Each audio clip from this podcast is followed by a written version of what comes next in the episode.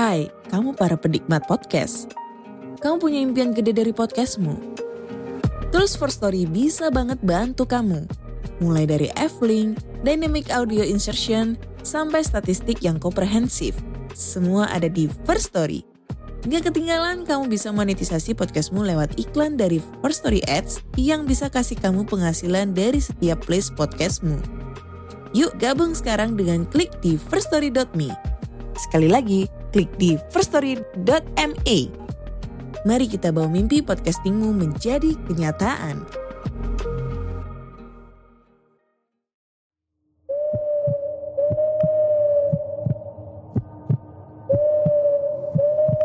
Pogo FM, listen on the go.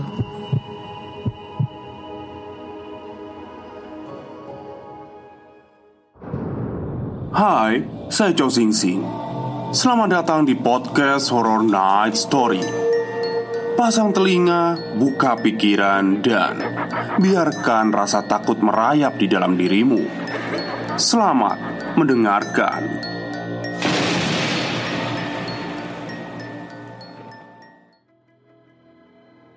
Assalamualaikum warahmatullahi wabarakatuh. Halo semuanya.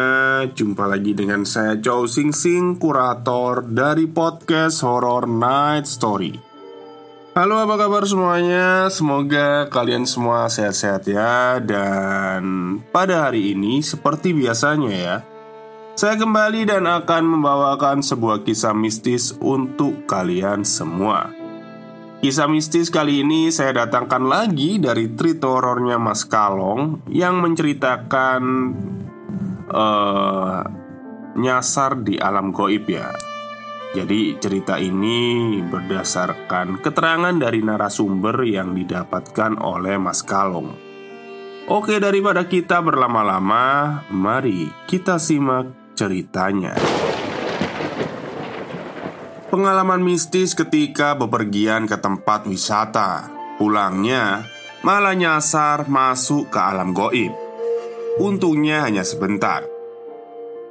Ini adalah pengalaman narasumber ketika melakukan perjalanan wisata ke Dieng bersama beberapa temannya. Kebetulan Waktu mereka sampai di sana itu udah maghrib dan itu membuat mereka semua mengalami kejadian yang menyeramkan. Namanya Poppy, bukan nama sebenarnya. Cerita ini sebenarnya bukan pertama kalinya saya dengar. Banyak sekali pengalaman yang dialami orang lain mirip seperti Poppy. Namun, karena merasa tertarik, akhirnya saya mutusin buat dengerin lebih dalam lagi cerita dari Poppy yang memang ia akui sendiri kurang lengkap kalau mendengar dari sudut pandangnya saja. Maka dari itu, dengan bantuannya, Poppy menceritakan semua alurnya setelah mendapatkan persetujuan dari yang lain. Cerita ini tidak terlalu panjang, jadi saya harap kalian semua membacanya dan bisa terhibur. Oke. Jawa Tengah pertengahan tahun 2021 Poppy adalah salah satu karyawan di sebuah perkantoran di Semarang. Awalnya, Poppy dan beberapa temannya memiliki ide untuk liburan ke Dieng karena banyak dari teman-teman Poppy yang belum pernah berlibur ke tempat itu. Rencana berangkat hari Sabtu jam 6 pagi. Tempat berkumpulnya di sebuah mes perempuan yang letaknya di dalam perumahan elit di daerah sana. Ya, bisa dikatakan dan dipastikan. Namanya juga di Indonesia ya, jam ngaret pun terjadi. Dan akhirnya mereka berangkat sekitar jam 8 pagi setelah molor 2 jam. Mereka berangkat menggunakan satu mobil dan sisanya naik motor berboncengan. Poppy memilih untuk berboncengan dengan temannya dengan posisi jalan di belakang mobil dan diikuti oleh tiga motor lainnya. Rute yang mereka pilih adalah Bandungan, Temanggung, dan Wonosobo. Sekitar jam 11 siang mereka sampai di daerah Parakan Temanggung Mereka berhenti sejenak karena salah satu motor ada yang banyak bocor. Mereka berhenti di minimarket untuk istirahat sambil membeli makanan. Tak lama setelah urusan motor dan perut selesai Mereka kemudian melanjutkan perjalanan. Karena menur menurut Poppy mereka sudah terlalu kesiangan waktu itu. Namun, ketika mereka mau melanjutkan perjalanan lagi, mobil yang ditumpangi temannya itu tidak bisa disetater. Dan setelah dicek, ternyata masalahnya di aki. Untungnya, di sebelah minimarket ada bengkel servis aki. Patungan aja deh buat beli aki baru daripada nunggu servis kelamaan nanti ucap Poppy kepada semua teman-temannya. Mereka pun setuju dengan saran dari Poppy dan segera mengeluarkan beberapa lembar uang untuk dibelikan aki baru. Ya wajar kalau mobilnya rewel. Yang punya mobil aja orangnya jorok. Tuh lihat, Dalamnya isinya sampah semua Kata salah satu teman Poppy Dua kejadian sudah mengawali perjalanan mereka Apakah mereka akan tetap lanjut? Kebanyakan orang-orang yang tidak peka dengan sebuah pertanda Mereka akan mengabaikannya Seperti halnya Poppy dan rombongannya itu Mereka tetap melanjutkan perjalanan ke Dieng dengan mengabaikan dua pertanda barusan. Setelah memutuskan untuk beribadah sholat duhur, Poppy dan yang lainnya kemudian melanjutkan perjalanannya sampai di tempat tujuan. Tapi baru saja mereka melaju, tidak seberapa jauh. Tiba-tiba hujan deras turun kembali mengawali kesialan perjalanan mereka. Sementara Poppy, Dwi, beserta teman yang mengendarai motor, mereka semua basah kuyup. Walaupun mereka udah make jas hujan. Sesampainya di perbatasan Temanggung Wonosobo, mereka kembali berhenti sejenak mengatur nafas, dan memastikan kondisi teman-teman yang lain. Poppy pun sempat memberitahu teman yang sedang nyetir mobil. "Eh, kalau ke arah Wonosobo, lurus aja, ikutin jalan besar. Nggak usah aneh-aneh lewat jalan tembusan atau apalah itu." Ucap Poppy pada temannya yang nyopir mobil. Namun, apa yang sudah Poppy katakan rupanya teman Poppy kurang percaya dan akhirnya dia pakai Google Map. Tapi bukannya lebih cepat sampai ya? Justru mereka nyasar masuk ke dalam pemukiman warga Yang di mana jalan itu adalah jalan buntu Mereka pun akhirnya putar balik dan kembali ke tempat semula Di jembatan perbatasan Kondisi saat itu masih diguyur hujan deras sehingga Poppy dan teman-teman yang lain yang lagi bermotoran sampai menggigil kedinginan. Bukan tanpa sebab, karena kondisi di daerah itu sudah termasuk dalam dataran tinggi. Poppy sendiri memperkirakan kalau perjalanan yang mereka tempuh sudah hampir dua jam. Mereka harusnya sudah sampai tapi Waktu sudah menunjukkan pukul 3 sore Mereka tak kunjung sampai Waduh, kok kayak masih jauh gini ya rasanya Kata Poppy saat itu Sudah menjadi hal wajar dan lumrah kalau mereka merasa kesal karena kondisi yang lelah dan kedinginan Dengan baju kotor dan basah sekalipun Tapi semangat mereka tetap membara.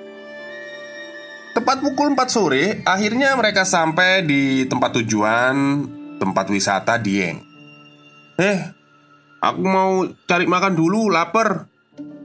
Ucap Poppy pada teman-teman yang lain Yang lain pun setuju dan memutuskan untuk mengganjal perut walaupun hanya dengan mie instan di warung terdekat. Setelah itu, karena sudah terlampau sore, mereka buru-buru ke tempat yang akan mereka tuju. Namun sialnya, sesampainya di sana, rasa kecewa harus mereka dapati. Pasalnya, Jam operasional tempat wisata untuk pengunjung sudah ditutup. Tanpa pikir panjang, Poppy dan yang lain yang saat itu masih hafal dengan tempat wisata yang ada di sana menyarankan untuk pergi ke kawah Sikidang. Yang lain pun mengiyakan saja. Tepat pukul 5 sore mereka sampai di kawah Sikidang dan ya nggak banyak sih yang mereka lakukan di sana karena mengejar waktu. Mereka hanya mengabadikan momen kebersamaan dengan jepret sana, jepret sini menggunakan ponsel masing-masing. Bersamaan dengan itu, kabut tebal mulai turun dan adzan maghrib mulai terdengar. Hal itu memaksa Poppy dan rombongannya untuk segera keluar dari area kawah. Ya, kalian juga tahu kan pastinya Waktu itu waktu sorup Yaitu waktu pergantian siang dan malam di mana jin dan setan mulai menunjukkan eksistensinya. Tapi ternyata mereka lupakan hal itu. Saat itu juga mereka melanjutkan perjalanan balik pulang. Pop, gantian ya. Kamu yang ikut mobil, aku nebeng motor Ucap salah satu teman Poppy meminta Poppy untuk bergantian tempat. Ibarat kata, pucuk dicinta, ulam pun tiba. Poppy mengiyakan. Aduh, akhirnya bisa senderan. Batin Poppy bahagia. Mereka memilih rute yang berbeda dari sebelumnya via Bawang Batang, kemudian Semarang melalui Pantura. Sebenarnya aku udah ngerasa aneh dan serem sih. Di dalam mobil tuh ribet banget. Biasanya aku juga seribut mereka Tapi entah kenapa rasanya nggak mood banget buat ngobrol Akhirnya aku yang duduk di kursi belakang cuma diem aja Kata Poppy sambil mengingat-ingat selama perjalanan. Teman-teman Poppy bernyanyi ketawa nggak jelas Sampai salah satu teman Poppy yang bernyanyi itu Membuka jendela mobil teriak ngajak teman yang lain Yang naik motor itu ikut bernyanyi.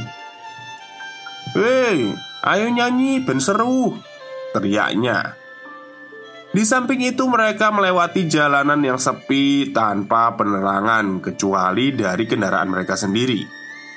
Dan parahnya Kabut tebal rupanya mulai turun dan menutupi jarak pandang mereka. Poppy kesal dong dan mulai memarahi teman-teman yang ribut itu. Sampai Ardian yang saat itu sedang nyetir pun memarahi juga Karena dia sudah merasakan kalau malam itu ada yang tidak beres tapi namanya orang ngeyel ya. Orang yang dibu tetap saja tidak mengindahkan peringatan dan melanjutkan teriakannya. Ya Seperti itulah teman-temanku saat itu. Kata Poppy saat bercerita padaku. Selama di perjalanan Poppy benar-benar ngerasa bad mood parah dan kesel banget. Hawanya itu kayaknya hih Serem banget deh mas. Desis Poppy agak kesal. Hingga tanpa tedeng aling-aling Ardian yang sedang nyetir Tiba-tiba menghentikan kendaraannya. Hal itu membuat mereka yang ada di dalam mobil terkejut. Eh, itu apa putih-putih? Ucap Ardian sambil nunjuk. Sontak Poppy pun langsung melirik ke arah yang ditunjuk Ardian Dan Poppy pun benar Dia melihat ada sosok putih terbang Tak lama kemudian, satu motor menutupi jalan Hei, berhenti dulu sebentar, ini remnya blong Katanya bertepatan dengan itu. Poppy ingat betul dengan lokasinya. Posisi mereka ada di daerah Bawang. Kalian yang tahu pasti ngertilah daerah ini. Kalau di sini tuh gelap gulita dan hanya ada hutan pinus yang lebat. Jalanannya pun turunan terus. Saat itu mereka berhenti dan memperbaiki motor. Tak lama setelah dirasa sudah beres dan aman, mereka kembali melanjutkan perjalanan. Suasana saat itu benar-benar mencekam pokoknya. Firasat Poppy dan beberapa teman yang lain pun yakin bakal ada kejadian lagi. Sedangkan dua orang teman Poppy yang entah sambet apa mereka ya mereka ini justru tidak bisa mengerti situasi yang ada. Mereka terus-terusan bercanda.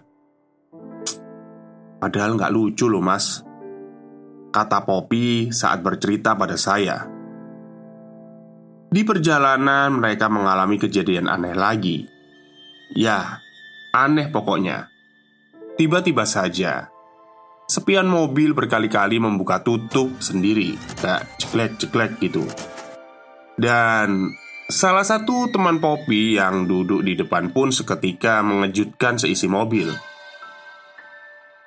Loh, loh, loh, loh. Itu siapa yang ikut duduk di belakang? Ucapnya enteng. Ikut duduk di belakang. Batin Poppy. Saat itu jelas-jelas Poppy tidak melihat apa-apa yang dimaksud oleh Vio. Poppy yakin kalau yang duduk di belakang itu hanya Poppy dan satu temannya. Mereka masih mencoba berpikir positif thinking waktu itu, padahal serem banget. Sampai akhirnya mereka sampai di SPBU Bawang. Mereka berhenti dan mampir untuk sholat maghrib sekalian istirahat. Poppy dan yang lainnya mencoba mengecek semua teman-temannya, berharap tidak ada yang tertinggal. Duh, Kok kurang satu motor? Celetuk Poppy Oh iya Si Rista sama Dwi mana ya? Saut Vio Mereka benar-benar tidak tahu ke mana Rista dan Dwi berada Seingat Poppy, mereka berdua selama perjalanan masih berada di belakang mobil Tapi setelah mereka berhenti di SPBU, ternyata mereka terpisah tanpa perintah, Poppy dan yang lainnya menghubungi ponsel Rista dan Dwi. Bersyukurnya, Rista dan Dwi segera merespon dan mengirim lokasi tempat mereka tersesat. Nah, betapa terkejutnya Poppy dan yang lain. Kalau ternyata lokasi atau posisi Rista dan Dwi sudah berada di daerah Limpung. Widih, aneh banget deh. Jaraknya kan jauh banget. Mana mungkin bisa sampai di sana? Bahkan belum ada 15 menitan loh. Kata Poppy mulai panik. Waduh, ini sih kayaknya nggak wajar. Kayaknya ada apa-apa deh. Celetuk Ardian yang mulai panik juga. Ardian adalah salah satu teman Poppy yang orangnya lebih paham dalam hal mistis. Mereka kemudian memutuskan untuk mengikuti lokasi yang dikirim Rista dan Dwi. Tapi aneh, mereka hanya berputar-putar dan tidak menemukan tempat yang mereka yakini adalah lokasi kedua temannya itu. Sementara ciri-ciri lokasi yang disebutkan si Rista itu benar dan mereka tidak menemukannya. Pokoknya aneh lah. Di samping mereka yang kebingungan, ada beberapa teman Poppy yang di dalam mobil juga ikut merasa aneh.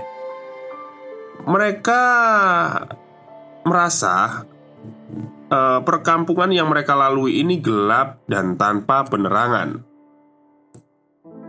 Kok kayak kampung mati ya? kata Vio.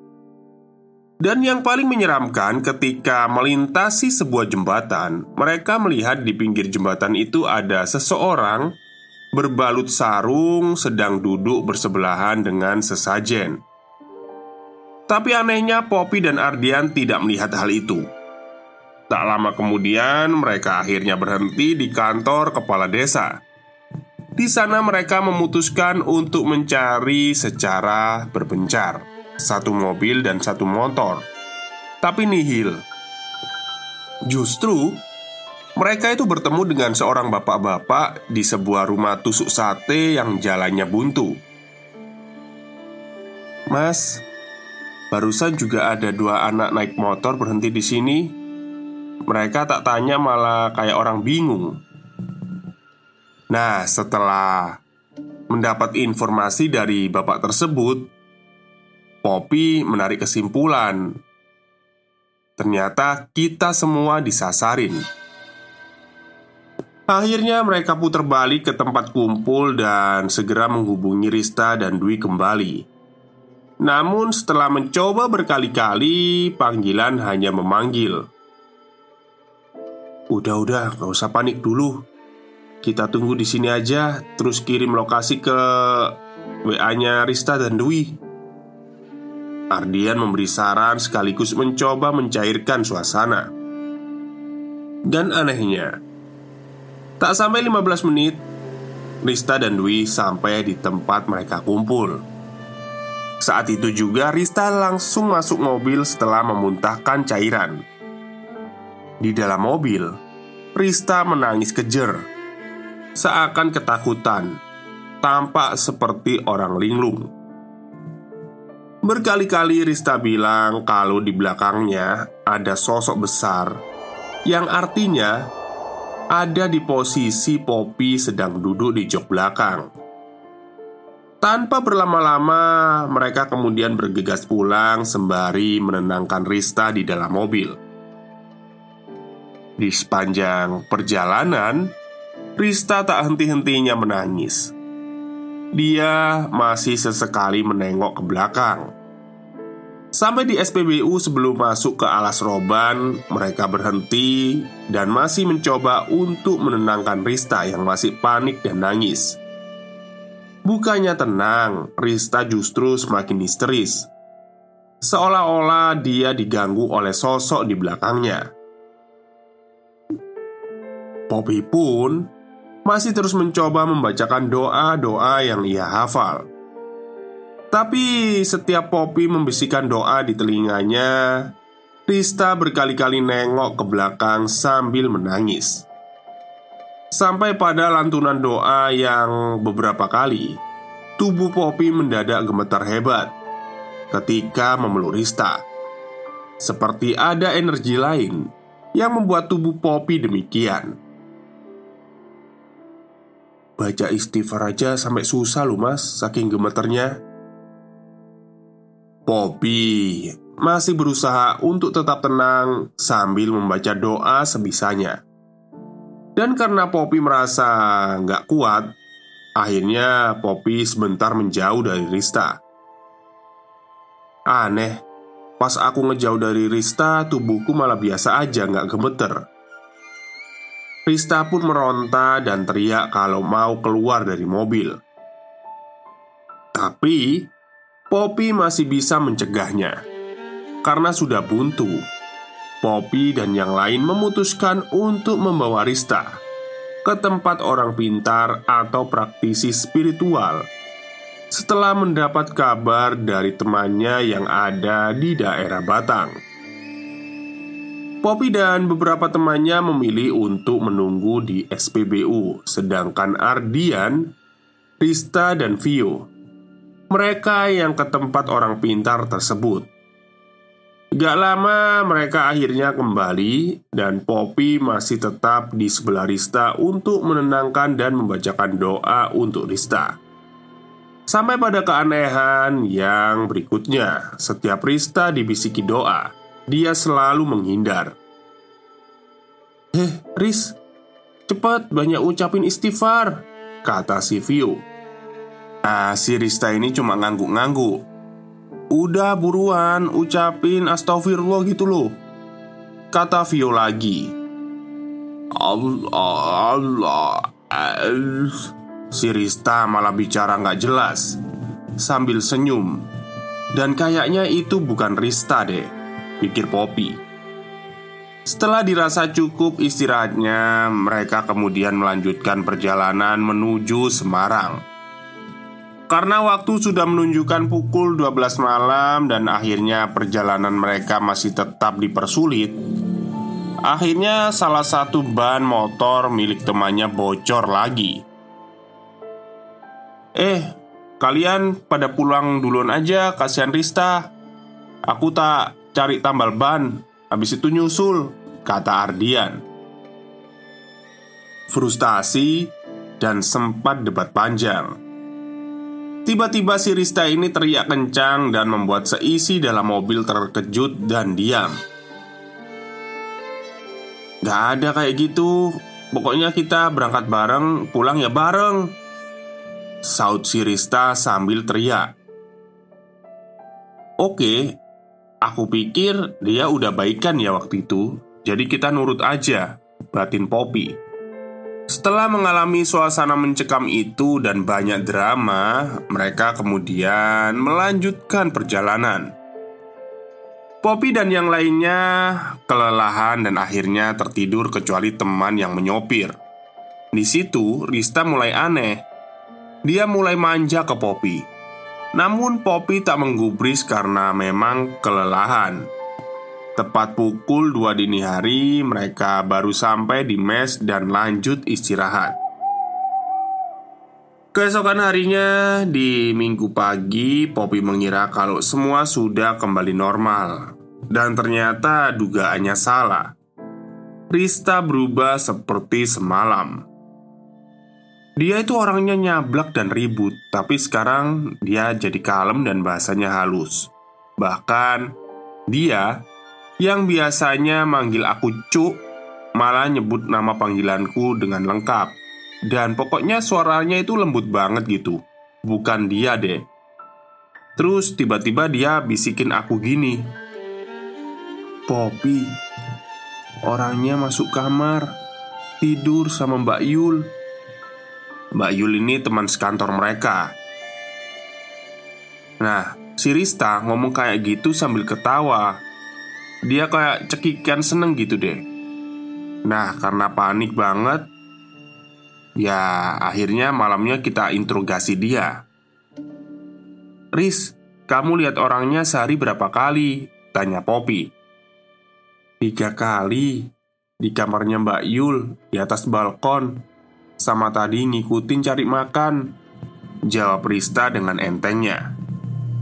Nah setelah itu Poppy dan Vio saling chat dan lirik-lirikan. Kebetulan mereka sama-sama tidur di atas ranjang. Jadi Sekamar lah mereka berempat itu dua ranjang tingkat. Sementara para lelaki yang ikut kumpul Mereka mencari uh, suatu solusi untuk masalahnya si Rista ini. Nah, waktu itu Rista makin aneh, pokoknya aneh banget lah, aneh, manja, usil. Akhirnya mereka menjaga si Rista ini sampai subuh karena udah tahu ada yang aneh. Mes yang mereka tinggali termasuk tempat yang angker.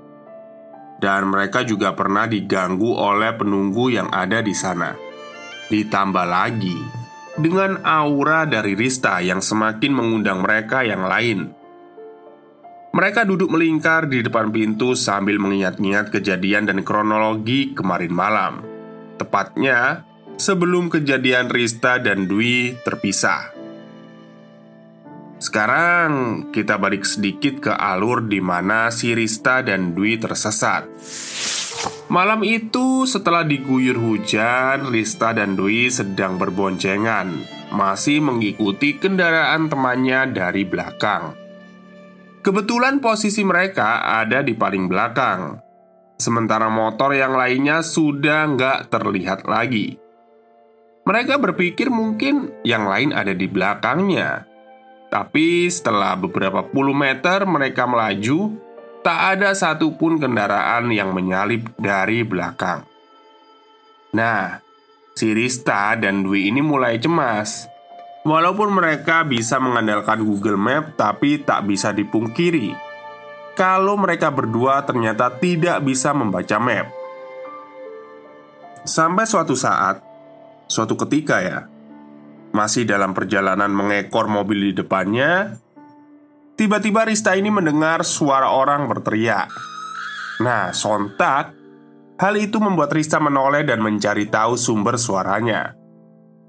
Tapi, sekalipun ia tak mendapati ada seseorang di sudut mana pun. Untuk kedua kalinya Rista mendengar suara teriakan dan kali ini sumbernya tepat di atas kepalanya Refleks dong, si Rista menoleh ke atas Dan apa yang terjadi? Dengan jelas Rista melihat sosok hitam besar Dengan mata merah Sedang melayang di atas kepalanya. Si Rista akhirnya teriak kencang karena mendadak telinganya kesakitan setelah melihat penampakan itu. Bahkan Dwi pun yang sedang menyetir mobil Motor ya maksudnya ya Berkali-kali menanyakan kepada Rista apa yang terjadi. Tapi Rista justru semakin histeris Sampai si Dewi menghentikan motornya dan mencoba untuk menenangkan si Rista Tanpa sadar, mereka kehilangan kendaraan yang harusnya ada di depan mereka Nah, mereka panik dong Akhirnya mereka mencoba untuk menunggu sebentar. Namun, setelah beberapa saat mereka menunggu, tak ada satupun kendaraan yang melintas. Hal itu membuat mereka berdua tambah kalut hingga tak lama pesan WA masuk dan isi pesan itu menanyakan posisi Rista dan Dwi. Dan mereka pun segera mengirim lokasinya. Detik menit berlalu, tak ada satupun teman yang menyusul.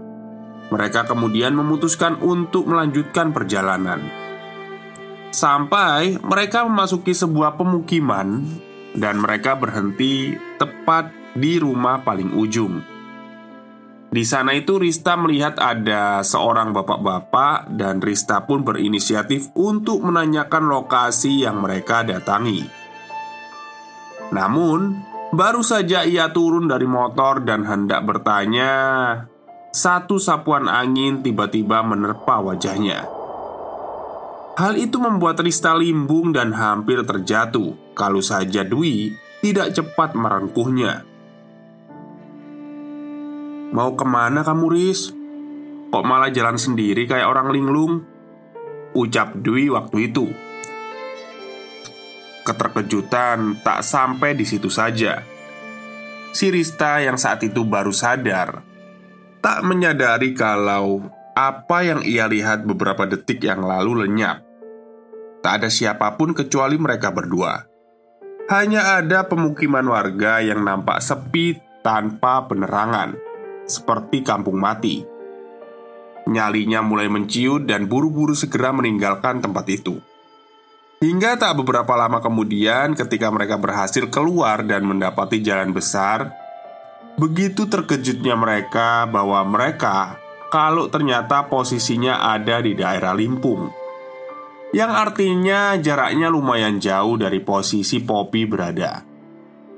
Sempat terkendala sinyal, Rista dan Dwi tidak dapat menghubungi yang lain. Namun tak lama beberapa pesan WA masuk berisi lokasi teman-temannya yang berada. Tanpa menunggu lama Rista dan Dwi pun segera meluncur ke tempat yang dituju Kita kemarin tuh nggak lihat. Kalau kalian belok ke SPBU Jadi aku sama Dwi ya lurus aja ngikutin mobil yang ada di depan. Aku kira itu kalian. Dan nggak tahu kenapa aku tuh denger kayak ada orang teriak-teriak gitu. Terus aku noleh ke atas. Tiba-tiba telingaku sakit banget. Aku nangis di jalan Kata Rista mulai bercerita Nah, iya sob Pokoknya aku juga nggak lihat deh kalau kalian belok ke SPBU Dan aku juga kaget Kok tiba-tiba si Rista nangis? Ya, akhirnya aku berhenti dulu deh. Sambung Dwi membenarkan. Hingga subuh, mereka pun belum juga menemukan titik terang dari semua ini. Akhirnya, para lelaki pulang karena harus bekerja keesokan harinya. Tepat hari itu, Poppy, Vio, Dwi, dan Ardian pergi ke Batang dengan niatan mencari kejanggalan yang membuat Rista dan Dwi kesasar. Tapi anehnya, semua riwayat Sherlock di WA ketika mereka klik tidak muncul di Google Map, dan untungnya Ardian masih sedikit hafal jalan, jadi mereka tetap aja meluncur. Ketika mereka mengikuti jalan atau reka adegan, mereka nampak terkejut karena lokasinya benar-benar berbeda Terutama si Dwi yang saat itu juga ikut.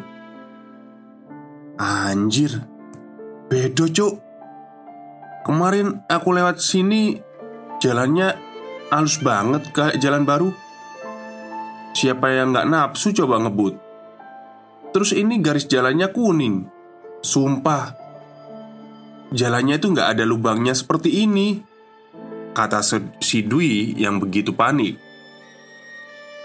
Aneh kamu Wi. Kan emang jalannya gini. Ngarang aja kamu. Jawab Poppy nggak sependapat. Sesampainya mereka di SPBU, tempat mereka menunggu yang lain, Dwi kembali terkejut dengan apa yang ia lihat berbeda dari semalam. Waktu itu aku sama Rista nunggu di tempat keluar SPBU Sebelahnya Alfamart terus ada kampung kayak gini. Cuma ada masjid dan gelap banget deh. Aku nungguin tapi kok yang lewat mobil merah semua ya nggak ada kendaraan lain. Dwi masih panik karena waktu sudah hampir maghrib. Mereka langsung menuju ke rumah teman kantor yang kebetulan sedang izin ada keperluan. Akhirnya rumahnya pelosok dan mereka hanya melewati sawah dan hutan.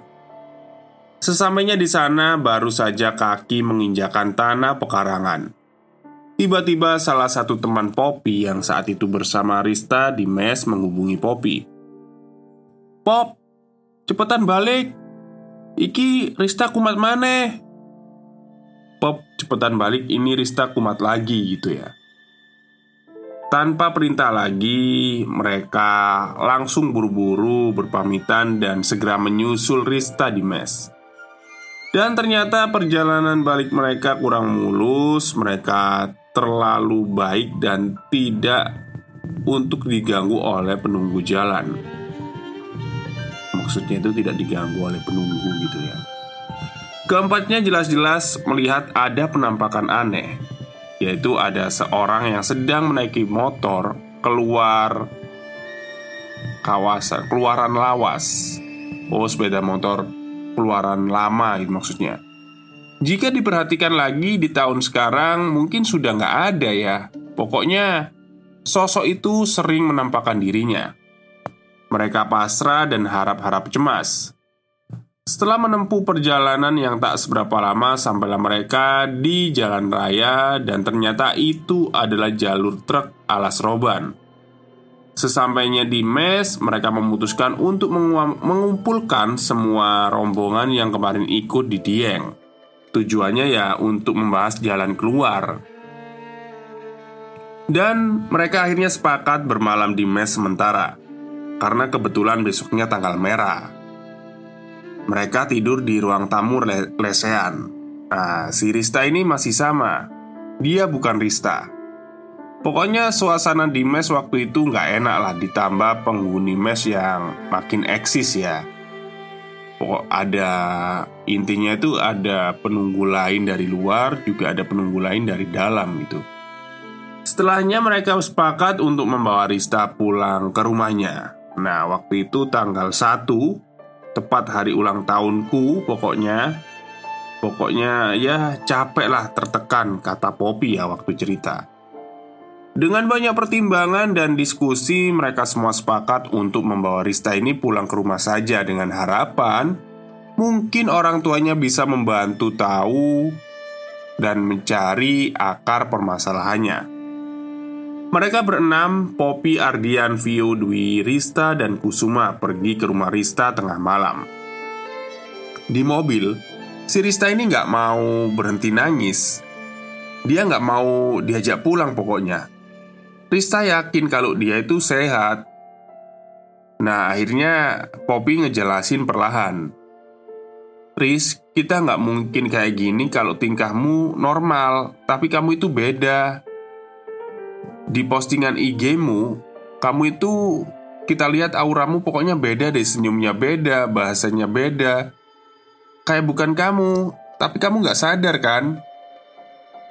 Kamu kelihatan benci banget sama Ardian, terus manja ke aku. Pokoknya itu bukan kamu banget deh, kata si Poppy sedikit menjelaskan. Kalian jahat Rista itu sehat Kenapa harus dipulangin? Besok kan kerja.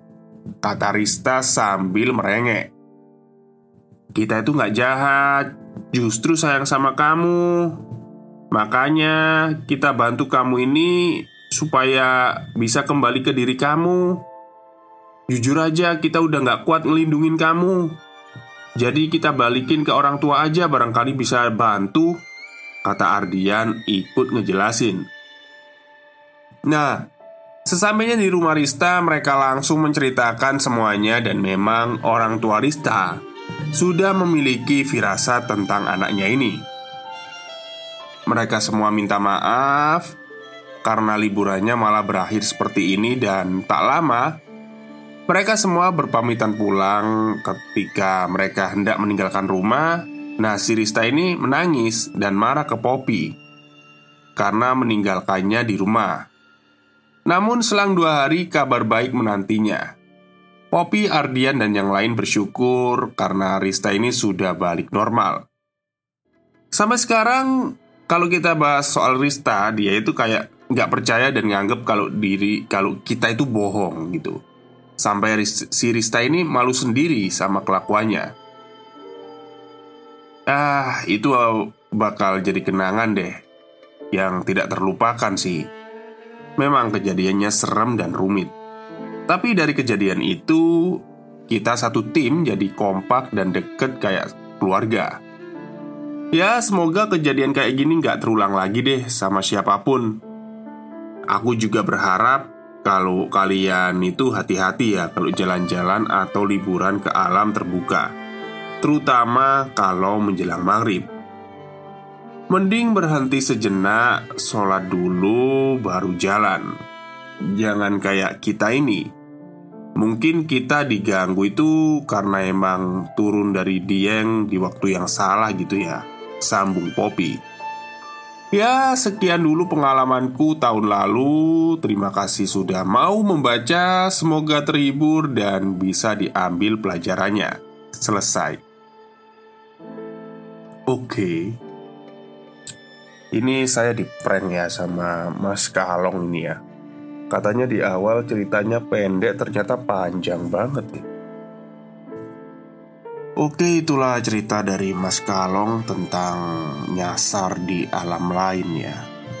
Agak rumit tapi semoga bisa dipahami ya. Kalau saya sih paham-paham aja soalnya yang baca gitu Oke, mungkin itu saja cerita untuk siang hari ini. Semoga kalian semua terhibur. Selamat siang dan selamat beristirahat.